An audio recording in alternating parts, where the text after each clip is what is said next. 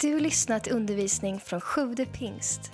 Vi hoppas att Guds ord ska tala in i ditt liv och fördjupa din relation med Jesus. Besök gärna vår hemsida, www.sjuvdepingst.se. Härligt att se er alla här idag. Gott att få predika idag också. Ehm, och jag tänkte börja med en liten tillbakablick idag. 2012, så eh, för er som eh, minns det, så var det ett speciellt år för vår kyrka. Nämligen det året då vi fyllde 100 år. Och jag vet inte hur många av er nu som har skrivit in i er kalender att på torsdag, då ska ni baka tårta eller kanske köpa hem lite godfika eller göra någonting för att fira vår församlings 103 födelsedag. Visst vore det härligt? Jajamän. Vi skulle nästan eh, sjunga kanske för kyrkan här, men det får ni göra på torsdag. Den 17 september 1912 så grundades vår församling. Och 2012 hade jag förmånen att vara konferencier vid våran eh, 100-årsjubileum och fick den delikata uppgiften att sammanfatta 100 år på kanske en och en halv timme eller något sånt där. Och eh, ni förstår att det blev ju ganska bristfälligt, men ändå så var det så gripande att få lära och läsa om allt det som har hänt. Att få höra om människors hjärtan, allt som människor har gjort under hela den här långa historien. Ett hjärta som bultar för Jesus.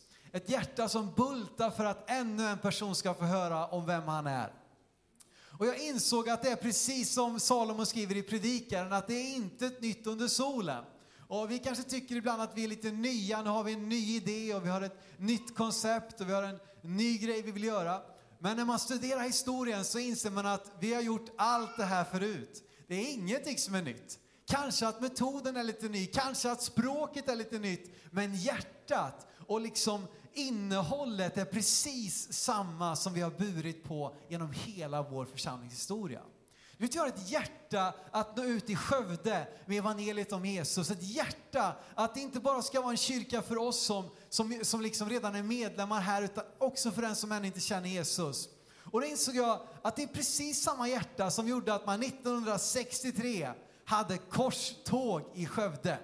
Eh, en stor och härlig satsning med massa kyrkor i Skövde. Man hade ett stort tält, eh, eh ett stort tält och på ungefär 70 möten så samlades runt omkring 70 000 människor. Och Carl Wern skriver så här, att de fick höra John Hedlunds klara frälsningsförkunnelse. Ett klart frälsningsbudskap om en Gud som vill frälsa. Samma hjärta som vi har idag när vi vill göra olika saker för att få nå ut och vara relevant för en som ännu inte känner Jesus var det som också ledde till att man gjorde den här satsningen. Du vet missionsiven att få ta evangeliet till jordens yttersta gräns och som gör att vi här eh, om bara någon vecka ska få avskilja Martin Larsson som vår nästa missionär. Visst är det härligt?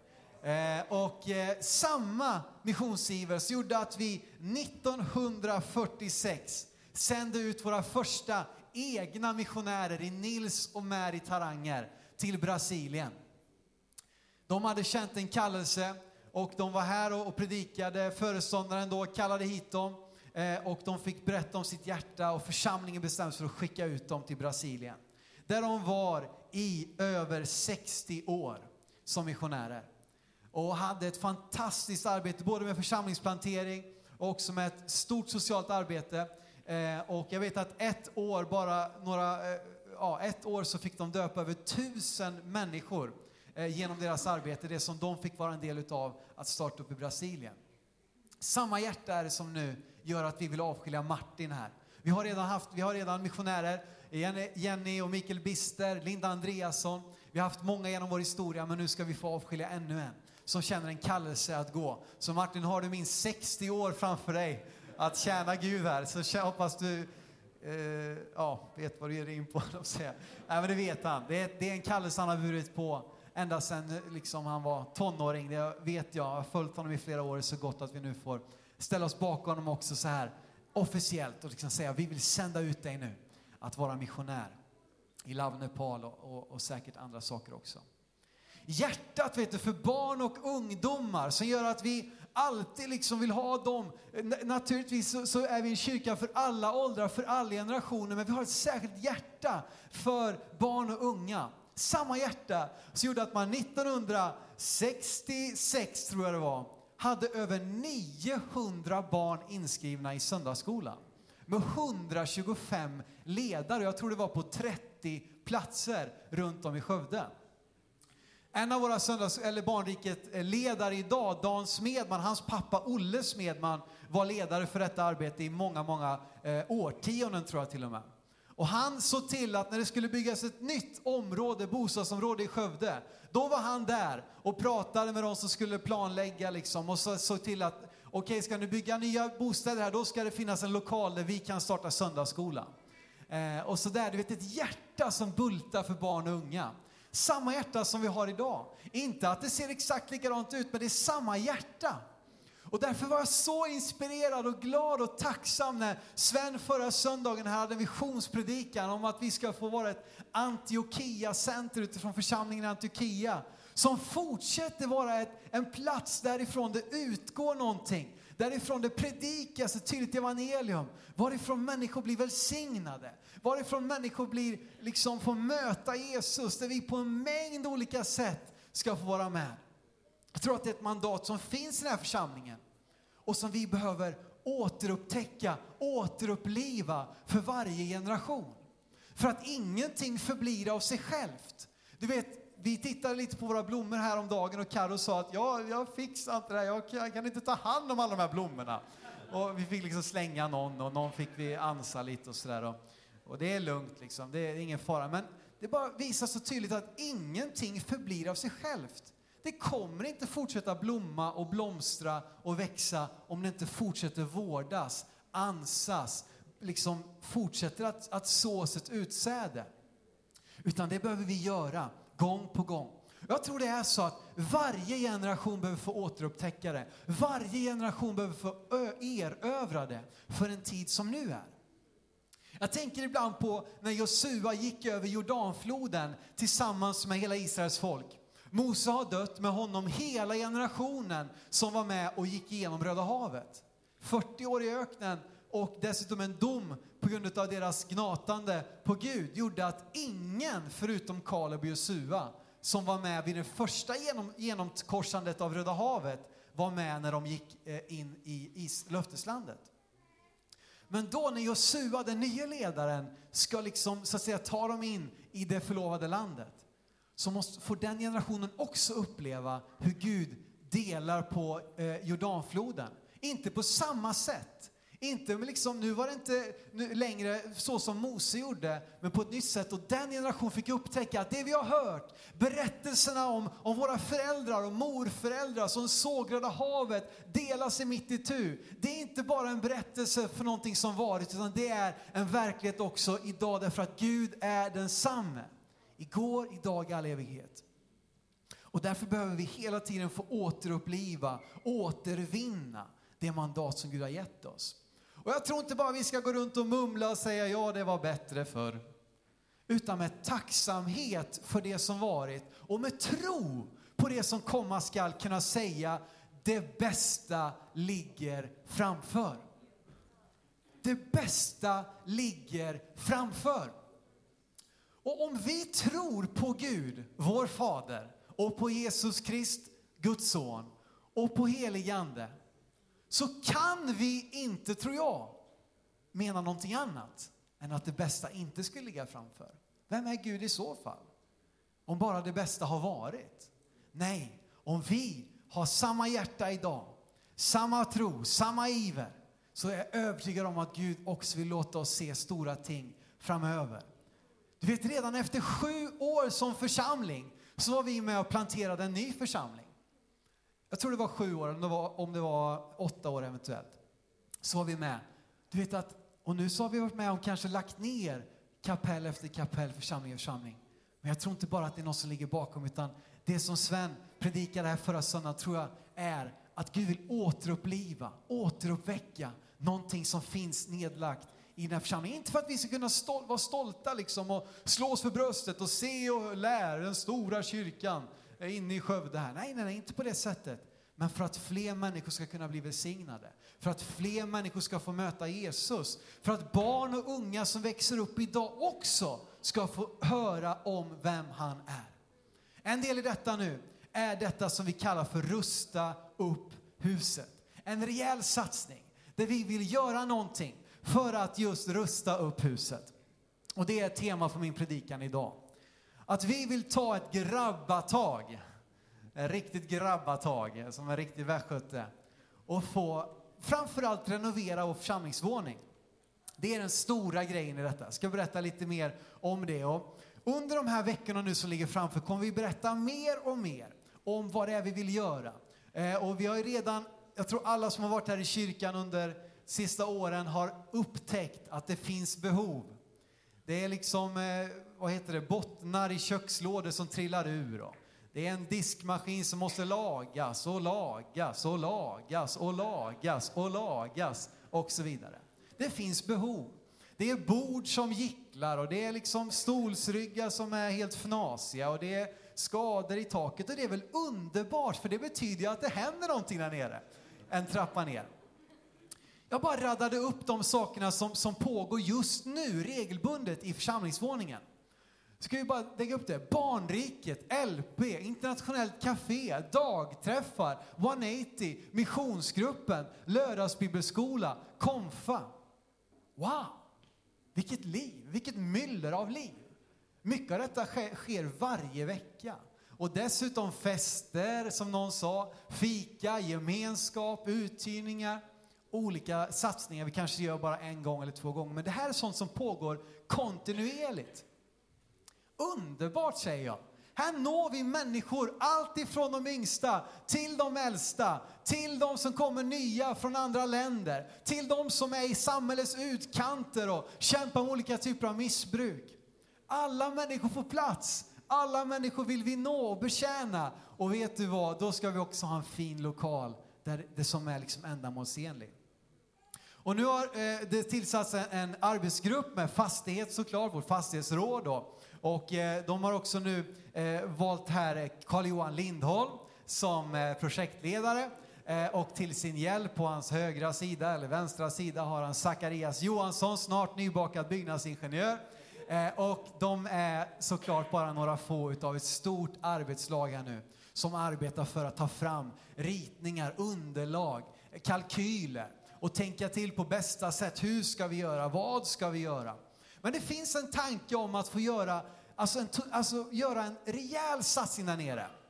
Inte bara liksom gnugga lite extra på golvet eller sådär, utan kanske helt nytt golv. Ny belysning, liksom ny, nytt underlag. Idag så har vi så många olika samlingar nere i församlingsvåningen eh, och ingen, eh, liksom, vi kan ha en tre, fyra olika platser för att ha en scen till exempel. Som alla ska ha sitt ljud, eh, ljudutrustning och och ibland så känner vi att det är lite frustrerande för det funkar inte så bra som det skulle. Och inte minst jag var sista internationellt café och, och det, det, liksom det strulade och vi fick inte igång det och så ska man flytta och grejer. Så vi tror att kanske man ska ha en scen som kan betjäna alla de olika samlingarna med en komplett utrustning. Och där det också blir enklare för de som är där varje vecka som Barnriket och, och andra att inte behöva hålla på och rodda så mycket fram och tillbaka. Att få göra en total renovering av köket, det har vi pratat länge om. Och det finns också med här. Och tänka till, göra på bästa sätt, skapa en trevlig miljö, kanske nya möbler och så vidare. Mer kalkyler och mer underlag kommer att komma eh, under tiden här. Och så håller vi på här nu och försöker tala om detta, inspirera för detta, att vi också ska göra en rejäl insamling till detta. Men när vi samlar in nu, jag tror vi ska kunna samla in mycket pengar till det här. Det finns stora behov, det finns mycket vi kan göra. Eh, Eh, så vill vi inte heller bara se till oss själva utan också ge 10% till pionjärmission. Vi tror att det finns en biblisk princip att inte bara se efter vårt eget hus, även om vi såklart gör det med tanke på alla människor som ska komma och vara med. Men vi vill göra det också med tanke på människor utöver vår värld. Vi har spännande saker på gång. Eh, inte minst Martin som sagt jobb, kommer eh, jobba mycket i Nepal och gör redan det. Eh, där det finns en väldigt spännande församlingsplanteringsarbete, eh, där det ständigt planteras nya församlingar, eh, man går ut, startar nya hemgrupper. Linda som är vår missionär i Indien, tränar bibelskoleelever tre år och väldigt många av dem går sedan ut i församlingsplantering, i pionjärarbete. Och tänk då att vi skulle kunna genom den här insamlingen få en summa pengar som kan vara med och till exempel understödja en av dessa eh, pionjärer under en, en viss period. Och kunna bli ett bidrag till en, en pionjärfond. Känn på det ordet bara, en pionjärfond. Vet du. Eh, där vi också gör någonting utöver vår jord. Därför att det ligger också i vårt DNA att inte bara se till vårt eget utan också tänka långt utöver. Vi vill också göra någonting för vår stad, att få nå ut med evangeliet. Och inte minst nu sista åren så har vi haft satsningar kring jul och påsk där vi på ett kreativt sätt men ändå väldigt tydligt sätt vill att presentera evangeliet. Så att i detta tror vi också att vi kan sätta av en liten summa, inte 10 procent, men en liten summa som kan ge lite luft under vingarna för satsningarna kring jul och påsk inför 2016. The Story of Christmas 2014 samlade 1020 personer. Inte unika besökare, kanske 700-800 unika, men över 1000 totalt. Vår påskföreställning Från mörker till ljus samlade 684 personer på två eh, föreställningar. Inte unika, men kanske 500 unika, vad vet jag. Över 1700 människor som fick höra. Men jag tror att det bara är början. Jag tror att vi kan nå ut till många, många fler kring jul och påsk och få vara som en stad på ett berg som lyser och som ropar ut att Jesus lever, kyrkan, har, eh, kyrkan lever. Det är liksom inte bara eh, någonting som är på dekis. Utan nej, här finns det ett solklart budskap. Ett budskap om julens verkliga innehåll. Som inte är liksom vad som blir årets julklapp, utan som handlar om att en frälsare blir oss född. Påskens verkliga budskap som inte är några liksom, kycklingar och målade ägg, även om det är trevligt och jag har inget problem med det. Men verkliga budskapet handlar om att Jesus Kristus gav sitt liv och uppstod igen på tredje dagen. Och vet du vad, när vi gör någonting, när vi rustar upp, så gör det plats för Gud att verka. Upprustning gör plats för Gud att verka. Låt mig återigen bara ta tillbaka lite grann här i vår historia. 1915 så köptes hotell Poppelhem på Trädgårdsgatan för 15 000 kronor. Och det blev vår första kyrka som vi sen hade ända fram till 1972 då vi flyttade hit. 15 000 kronor idag, då, det finns en jätterolig sida på Myntkabinettet där man kan sitta och knappa in gamla årtal och så får man se vad är det värt idag. Eh, och bara översätter man penningvärdet så är det någonstans 623 000. Men om man jämför hur många arbetstimmar som 15 000 kronor betalade för. Alltså om man översätter lönen eh, mot vad det är idag, en vanlig hantverkarlön som de beskriver det. Så blir siffran eh, över 6 miljoner. 6 miljoner kronor som 91 personer gick in och köpte. Jag vet inte om de köpte det kontant eller om de fick lån, det vet jag inte riktigt. Men de gjorde den här satsningen som församling, 91 medlemmar. Och vet du vad, det året, 1915, så döpte man 22 personer. Dubbelt så många som året innan. Några år senare, 1931, så byggdes kyrksalen ut eh, och till att rymma ungefär 300 personer. Och någonting som är ganska intressant är att det året, 1931, så döptes flest människor i vår församlings historia. 39 stycken på ett enda år. Någon, siffra, någon statistik säger 45 och någon säger 39, så att jag valde den, den lägre. Men det spelar inte så stor roll. Men det var det året då flest döptes genom hela vår historia. 1972 invigs den här kyrkan, den nya kyrkan här. Och vi såg eh, filmen här förra veckan där Ove berättade om detta. Och man byggde detta för 2,7 miljoner kronor. Och om man då återigen använder den här roliga omvandlaren så är det i penningvärde då någonstans 18,7 miljoner idag. Men översätter man lönen, alltså lite mer motsvarande kanske vilket offer det var, som att vi generellt kanske har det bättre ställt idag, så landar siffran på någonstans över eh, 30 miljoner kronor. 627 medlemmar bak kostnaden och räknar man på det låga 18,7 miljoner så är det nästan 30 000 kronor per medlem. Det var alltså en rejäl satsning. Många tog till och med lån och betalade av. Avstod kanske från sin semester eller hade en väldigt enkel semester i flera år för att man var med och gav det istället till Guds hus. Och vi har ju alla hört, kanske berätt, eller alla, men några har hört berättelsen om när man byggde stora Philadelphia i Stockholm. Om hur vissa av tanterna där uppe, de gick in till staden från förorten för att kunna lägga den där femöringen som de skulle ha gett till spårvagnen. Den la de istället i insamlingen.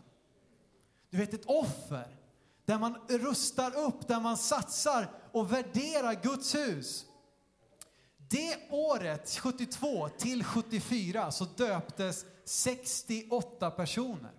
Det är en av två gånger som vi döpt över 20 personer på tre år på raken.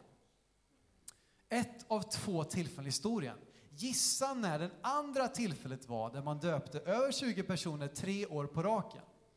1931 till 33, alltså när vi byggde ut kyrksalen till att rymma 300 personer.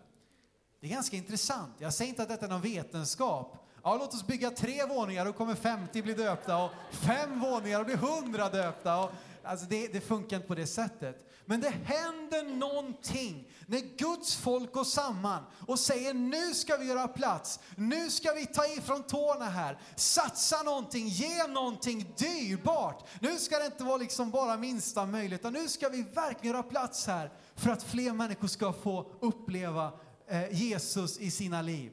Det händer någonting också med vår attityd. Att ha en plats, en kyrka som vi är stolta över att bjuda med våra vänner till. Och när de väl har kommit hit så trivs de här därför att det är fräscht, det är i ordning. Det andas liv, det andas någonting som, som öppnar upp tror jag för att få höra om Jesus. Om man kommer till en kyrka som känns helt nedskräpad, trasigt. Jag menar, det, måste säga, det säger någonting. Alltså det handlar inte om att vi ska vara fina i kanten nu, missförstå mig rätt här. Men hur vi visar och hur det ser ut, det säger någonting också om den Gud vi tjänar. Jag blir så glad när jag tänker tillbaka på alla dessa pionjärer, alla dessa församlingsbyggare som har offrat och gett så att jag kan stå här idag och få vara pastor i den här försam fantastiska församlingen. Men jag läste en sån intressant artikel med Kristina Stenbeck för några år sedan. Hon är dotter till Jan Stenbeck, en eh, mycket framgångsrik entreprenör eh, som startade hela TV3-koncernen och mycket, mycket annat. Jag ska inte dra hela hans historia, men en av Sveriges mest framstående entreprenörer under hela 1900-talet. Ganska okonventionell många gånger, men ändå väldigt framgångsrik. Han dog hastigt och lustigt. Han levde ett ganska osunt liv. Eh, eller lustigt var det inte, men det var hastigt. Och hans dotter, som då var ung och ganska oerfaren, fick bara kliva in. Oj, nu ska jag vara liksom eh, VD här för hela den här koncernen. Och liksom kastades in i den här nästan omöjliga situationen. Men så tio år senare så, så hade hon en intervju med henne. Och då sa hon så här. Det är alltid nyttigt att hedra det förflutna och bejaka vår grundares visioner och djärva beslut. Men bara om du är beredd att gå vidare som följd. Och det där sa mig någonting. Det talade till mig när jag läste den artikeln. Wow, det där är ju precis vad det handlar om. Det är ett sättet att hedra de som gått före. Sättet att hedra de som har gett så frikostigt och generöst, det är ju att visa samma hängivenhet, samma passion, samma liksom, eh, risktagande som det faktiskt innebär. Inte bara tänka, ja nu är det bäst att vi inte gör någonting här för att tänk om någonting blir fel.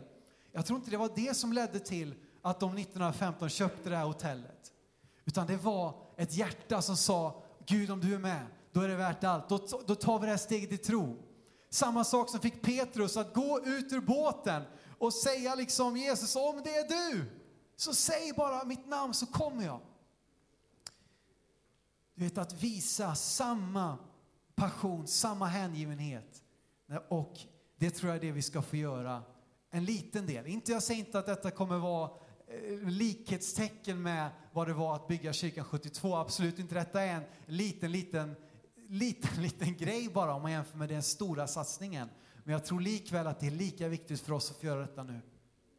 Och vart hämtar det rusta upp huset ifrån? Jo, nu ska vi ha en liten bibelvandring här eh, genom Andra Kungaboken 12 och Andra Krönikeboken 24. Har du din bibel med dig kan du gärna slå upp båda de två bibelställena och sätta lite finger eller ett snöre eller någonting.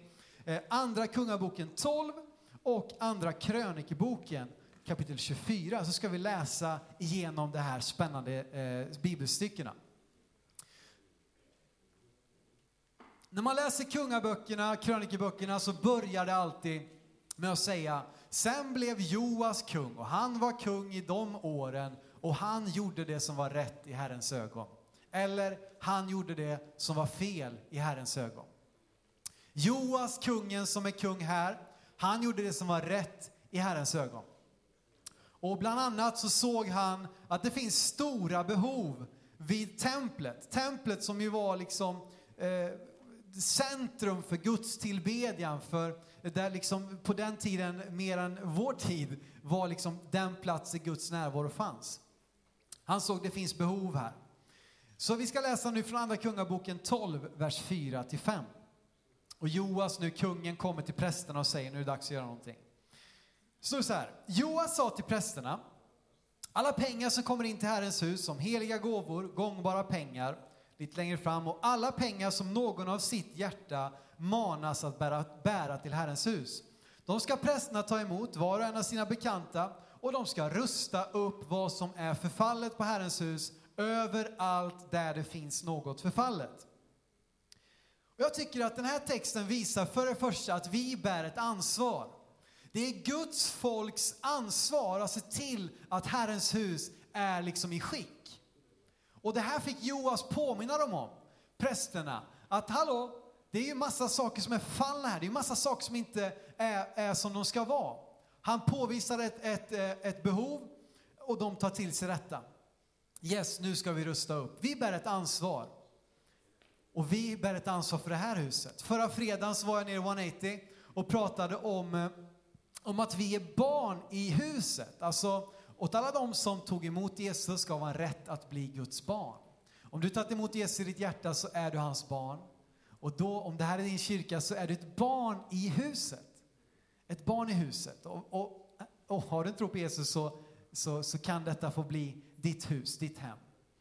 Men som barn i huset har man också ett ansvar. Jag vet inte hur många mammor som har sagt till dig när du var kanske hos din kompis att hörru, gå och bädda min dotters säng. Nej, för att du är inte ett barn i det huset, men däremot i ditt hus, där har du säkert hört från din mamma, gå och bädda din säng. Eller gå och städa ditt rum. Gå och plocka ur diskmaskinen. Som barn i huset har man ett ansvar. Och som barn i det här huset har vi ett ansvar. Och vi behöver ta det på allvar. Vi läser vidare från vers 6–7. Men, står det sen, men i kung Joas 23 regeringsår hade prästerna ännu inte rustat upp vad som var förfallet på huset. Då kallade Joas till sig prästen Jojada och de övriga prästerna och sa till dem, varför rustar ni inte upp vad som är förfallet på huset? Nu får ni inte längre ta emot pengar av era bekanta utan ni ska ge dem till underhållet av huset. Och här nu så lär man sig väl någonting kanske av att man inte ska samla in pengar av sina bekanta för att det verkar inte funka så bra. Men det jag vill se i den här texten är att det räcker inte med bara snacka. Jag tror att det är många som känner amen och halleluja när man säger yes, nu ska vi satsa, nu ska vi vara med. Det är klart att det ska vara fint här. Det är klart att vi ska göra någonting, men du vet, det räcker inte bara med det. Utan vi måste också agera, vi måste handla i detta. Det händer ju inget. Nej, men låt oss då hända. Och gör man något så händer det något. Det var en vis man som sa det en gång. Ett bra liten, eh, vad säger man? Ett bra, bra ordspråk. Gör man något så händer det någonting. Och vi har pratat, tycker jag då, länge om att till exempel renovera kök och fräscha upp. Och vet du vad, nu tror jag det är dags att börja agera och göra någonting. Sen läser vi vidare från vers 9, Andra Kungaboken 12. Det står så här. Då tog prästen Jojada en kista och borrade ett hål i locket och ställde den bredvid altaret. På högra sidan när man går in i Herrens hus. Prästerna som höll vakt vid tröskeln lade dit alla pengar som flöt in till Herrens hus.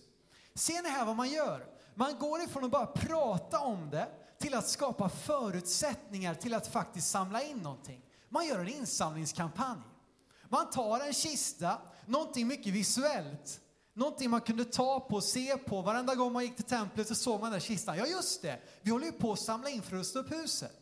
Och så gjorde man det också säkert. Det var en kista med lås, det var bara ett hål på toppen och det fanns vakter. Alltså det sköttes med integritet, med säkerhet. Man tog det på allvar. Och det är också mycket viktigt när vi samlar in pengar. Att vi inte bara, ja, ja, liksom bara, bara lämna pengarna här i mittgången och så liksom vi kastar vi upp som en symbol till Herren upp i luften och så bara gör vi någonting här. Nej, det måste skötas snyggt och därför är vi så glada att vi har duktiga personer och framförallt Per Andreasson som jobbar med vår ekonomi på ett fantastiskt sätt. Eh, och han behöver hjälp av flera, så är du här och har gåvor i detta så behövs ditt tjänande också i detta. Vi behöver människor som tar hand om det på ett bra sätt, att det sker, sker, sköts med integritet, men också att det är någonting som, som går att ta på. En väldigt tydlig grej, den här kistan. Eh, och det är det vi gör nu med hela det här Rusta upp huset. Vi vill göra någonting. Rusta upp huset är ett ord, ett, någonting vi kan, vi kan koppla detta med, någonting vi kan påminna oss om. Eh, ett sätt liksom så att vi kan dras med här och faktiskt komma igång. Och som jag tycker då är tanken med detta att vi ska kunna samla in eh, en hel del före vi börjar med arbetet för att faktiskt kunna veta vad vi har att röra oss med.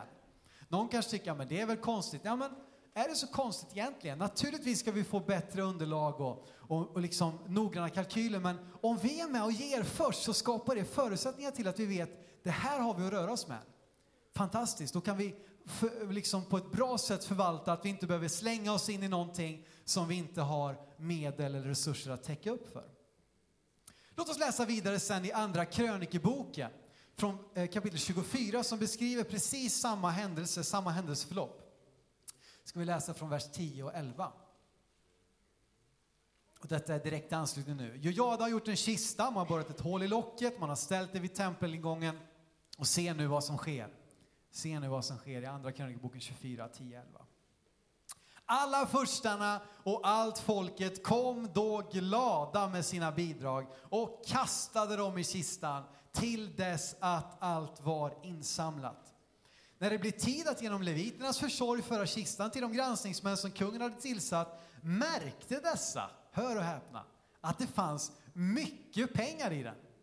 Då kom kungens sekreterare över till prästens tillsyningsman och tömde kistan och bar den sedan tillbaka till dess plats.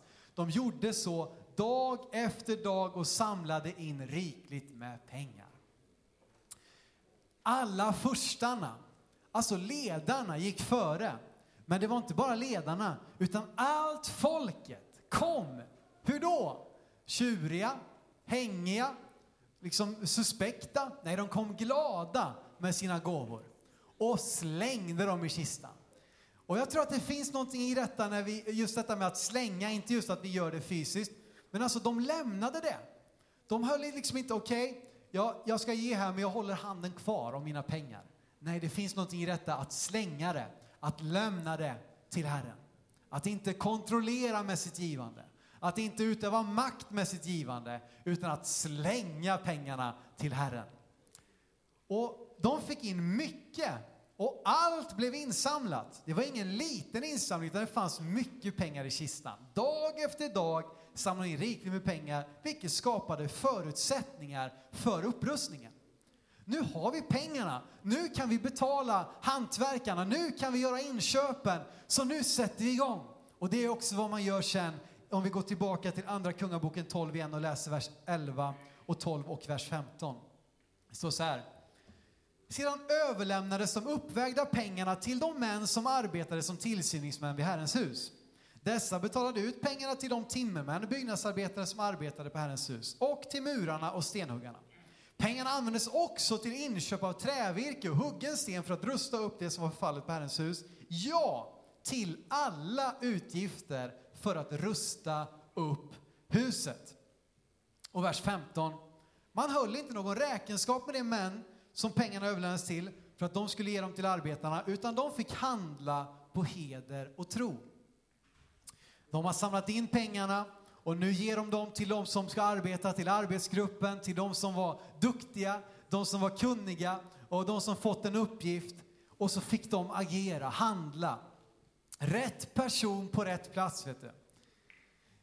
Tänk till exempel nu, vi kommer göra en insamling och säg det kanske kommer vara liksom 300 personer som deltar på ett eller annat sätt. Eller 200 personer, eller vad vet jag.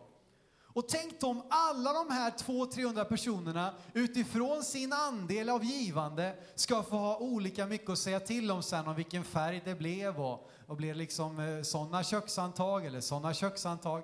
Nej, det blir ju omöjligt. Utan vi får lämna detta i goda händer till personer som vi har förtroende för att handla och agera. De ansvariga fick göra upprustningen och handla på heder och tro. Naturligtvis ska vi ha en god ordning och veta att allt går rätt till. Men inte på sätt att vi ska kontrollera. Jaha, hur har du gjort här nu då? Jaha, hur har ni tänkt här nu då? Hur har vi gjort här? Och det här måste vi liksom, nej. Vi måste ge människor lite utrymme att andas och handla. Och se sen vad som sker. Igen i Andra krönikeboken 24 och vers 14 till sist här.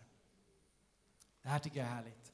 När de var färdiga med arbetet bar de återstoden av pengarna till kungen och Jojada och man gjorde av dem kärl till Herrens hus, kärl till gudstjänsten och offren, skålar och andra kärl av guld och silver och man offrade brännoffer i Herrens hus hela tiden så länge Jojada levde. Det blev pengar över. Någon kanske tänker sig, men om vi inte vet hur mycket pengar vi ska samla in, tänk om det blir för mycket? Ja du, det är kanske det minsta problemet vi har. Det finns så mycket vi kan göra. Det finns så mycket vi kan vara med och välsigna och ge in i och satsa på. Och det var någonting här att fick, de fick pengar över och det gick till och det ledde till när arbetet var över att gudstjänstlivet upplivades. Man offrade, man gjorde kärl till gudstjänsten. Det var liksom inte bara att man var så slut så att när liksom söndagen kom då låg man ju hemma och sov för man var helt utmattad. Nej, det verkade som att det gav kraft och inspiration att ännu mer komma och fira, Herrens, liksom, fira Herren, offra till honom. Gudstjänstlivet blossade eh, till liksom upp och började blomstra. Och Herrens hus fortsatte att vara en plats för möten mellan Gud och människor. Till sist där så, så undrar man ju, ja men vad kostar det då? Vad kostar det? Nu, nu pratar jag inte nu specifikt om, om vad detta kommer kosta, men när vi pratar om att ge till Herren, att ge till en sån här satsning, att offra någonting till Herrens hus, vad kostar det?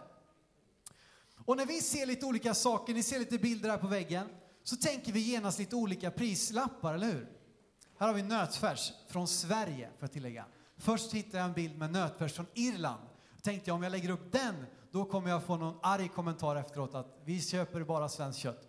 Men har vi något pris här? Kilopris på nötfärs? 79, då är det bra pris va? Då är det dags att handla. Men låt säga 79 kronor. Ett par jeans då? Vad skulle du betala för ett par jeans? Vad sa du? 500 spänn. Någon säger ah, 1500. Lätt för ett par jeans. Ja, man sätter lite olika prislapp på det. Ett hus då? Vad får det kosta? Här i Skövde? Ett snittligt hus, ett snitthus i Skövde. Klas-Göran, du har ju Excelblad på detta hemma. Sista fem åren. Vad sa du? 2,8 miljoner. Ja, kanske ett snitthus i liksom Skövde tätort. Vad vet jag? En bil då? Den där bilen, vad skulle du ge för den Adam? 128 000 med tilläggspaketet. Underbart. Ja, det är kanske, kanske rimligt. Vem vet, någon tänker ny bil, då tänker man inte mer än 10 000. Någon tänker ny bil, ja men 700 000 det är det lätt värt. Vad vet jag? Semester. Åh, nu ska vi på semester. Och någon tänker liksom, ja men 300 kronor in, inträde till sommar, sommarland, det ska vi satsa nu i sommar. Någon tänker, åh vi ska åka på liksom, drömsemester till Mauritius, det får lätt kosta 35 000, inga problem. En ny TV, vad är den värd? 30? 30 000, Challe. Oj, oj, oj. Här, välkomna på filmkväll hemma hos Challe. Största TVn i stan. Underbart. Vi sätter lite olika prislapp på detta Och när vi nu talar om att ge till Herrens hus, vad är det för prislapp som poppar upp i ditt, i ditt huvud? Jämför du det med nötfärs? Ja, ja, visst, 79 kronor kan det vara värt. Eller tänker du, kanske jag ska lägga lika mycket pengar på detta som jag gjorde på min bil? Nej, men så kan man inte säga Simon. Ja, varför inte? Vad är det värt egentligen att offra till Herrens hus? För nu pratar vi om ett offer. Eh, vi ska läsa i Markus 12 till sist här, det sista bibelordet. Markus 12. Och lägg märke nu till att det var ju prästen Jojada som införde den här kistan i templet som man kom och la pengar i. Kommer ni ihåg ett sånt ställe i Nya Testamentet där man kommer och lägger pengar i kistan? Vi ska läsa det just nu. Lite intressant att det var där med Joas och Jojada som det här in, infördes. Men i Markus 12 så ser vi att det sker en insamling. Från vers 41 till 44. Jesus satte sig mitt emot offerkistan och såg hur folket la pengar i den. Lägg märke till ordet hur de la, la pengar i den. Många rika gav mycket. Där kom också en fattig änka och la ner två små kopparmynt, några ören. Då kallade han till sina lärjungar och sa till dem, amen säger jag er, denna fattiga änka la dit mer än alla de andra som lade till offerkistan. Ty alla gav de av sitt överflöd, men hon gav av sin fattigdom allt vad hon hade att leva på. Änkan gav ett offer. De andra gav, ja, lite vad de hade över, lite vad de kände för, någonting som, som såg bra ut kanske. Men änkan, hon gav ett offer. Och när vi nu pratar om en insamt rusta upp huset så vill vi poängtera att det handlar inte nu om att okej, okay, då struntar jag i att ge det vanliga givandet eller struntar i mitt tionde. Nej, gå tillbaka och lyssna på predikan från två veckor sedan om tionde. Och så liksom när du har den grunden på plats så kan vi se här att nu handlar det om att ge utöver. Att ge någonting mer, att ge ett offer. Vad får det vara värt egentligen? Vad sätter vi för prislapp på att ge ett offer för att rusta upp Herrens hus? Och nu handlar det inte om att eh, jämföra, utan att vi var och en frågar oss själva. Och därför har jag gjort de här lapparna. De låg på bänken förra veckan, gjorde det också idag. En sån här lapp, jag skulle uppmuntra dig, ta med den hem. Stoppa den i din bibel, sätt den på ditt kylskåp. Be. Be framförallt för syftet att människor ska få möta Jesus. Men be också och fundera, Gud, vad vill du att jag ska ge? Hur kan vi vara med? Och kan man ge semesterkassan till detta istället? Nej, nej Simon, så kan man inte säga. Varför inte? Kan man ge någonting som blir påtagligt och kännbart? Jag tror det. Jag tror att vårt hjärta bultar för Herrens hus. Och jag säger inte detta för att manipulera på något sätt, men jag säger detta för att utmana, därför att mer människor måste få höra. Den här kyrkan måste hålla om 10, 15, 20 år. Det måste kunna ta emot, facilitera alla olika människor som kommer hit. Så att vi kan hjälpa dem och bygga en plats också för de som kommer efter oss, för de barn som växer upp nu. För de som inte har något, hem, något andligt hem här i vår stad. Det är för dem, vad får det kosta? Vad är det värt? Jag vill utmana dig faktiskt att ta detta på allvar. Att fråga dig själv. Jag tror det finns, allt vi behöver finns i huset. Jag tror det. Gud har gett dig och mig så mycket. Och vi får vara med och ge det tillbaka till honom. Så den 4 oktober kommer vi ha en stor insamlingsgudstjänst i huvudsak där vi kommer samman och får bära fram våra gåvor till Gud. Lämna kanske vår löftesgåva som gör att vi kan börja se, okej, okay, ungefär så här mycket har vi att röra oss med så att styrelsen, arbetsgruppen eh, som jobbar med detta kan liksom få en bra grund för hur de ska kunna gå vidare. Men, men jag tror att det viktigaste handlar inte om vad och, och exakt hur, och, men ett hjärta för Guds hus. Ett hjärta för att rusta upp huset.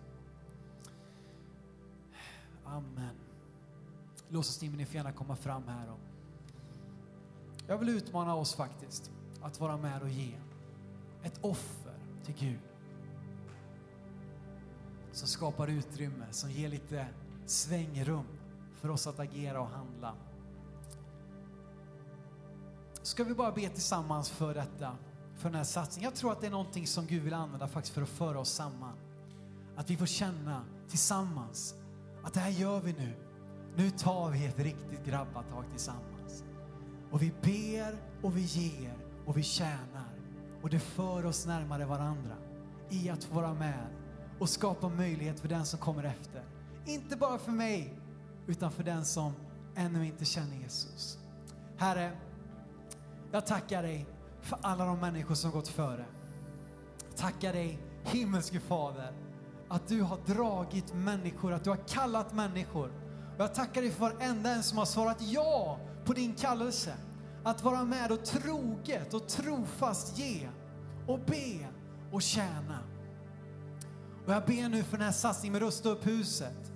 Att det inte bara skulle vara en praktisk fråga, utan att det är en fråga som har att göra med vår framtid. En fråga som har att göra med den som ännu inte känner dig Jesus. Och vi ber att det inte bara skulle leda till att vi får finare lokaler som vi kan liksom skryta med, utan att det skulle leda till att fler människor fick plats, att fler människor fick möta dig, att fler människor fick bli döpta och uppleva dig i sina liv Jesus. Och Gud, jag ber, använd oss. Använd mig. Låt min gåva vara en del utav det. Låt våra gåvor vara en del utav detta. I Jesu namn.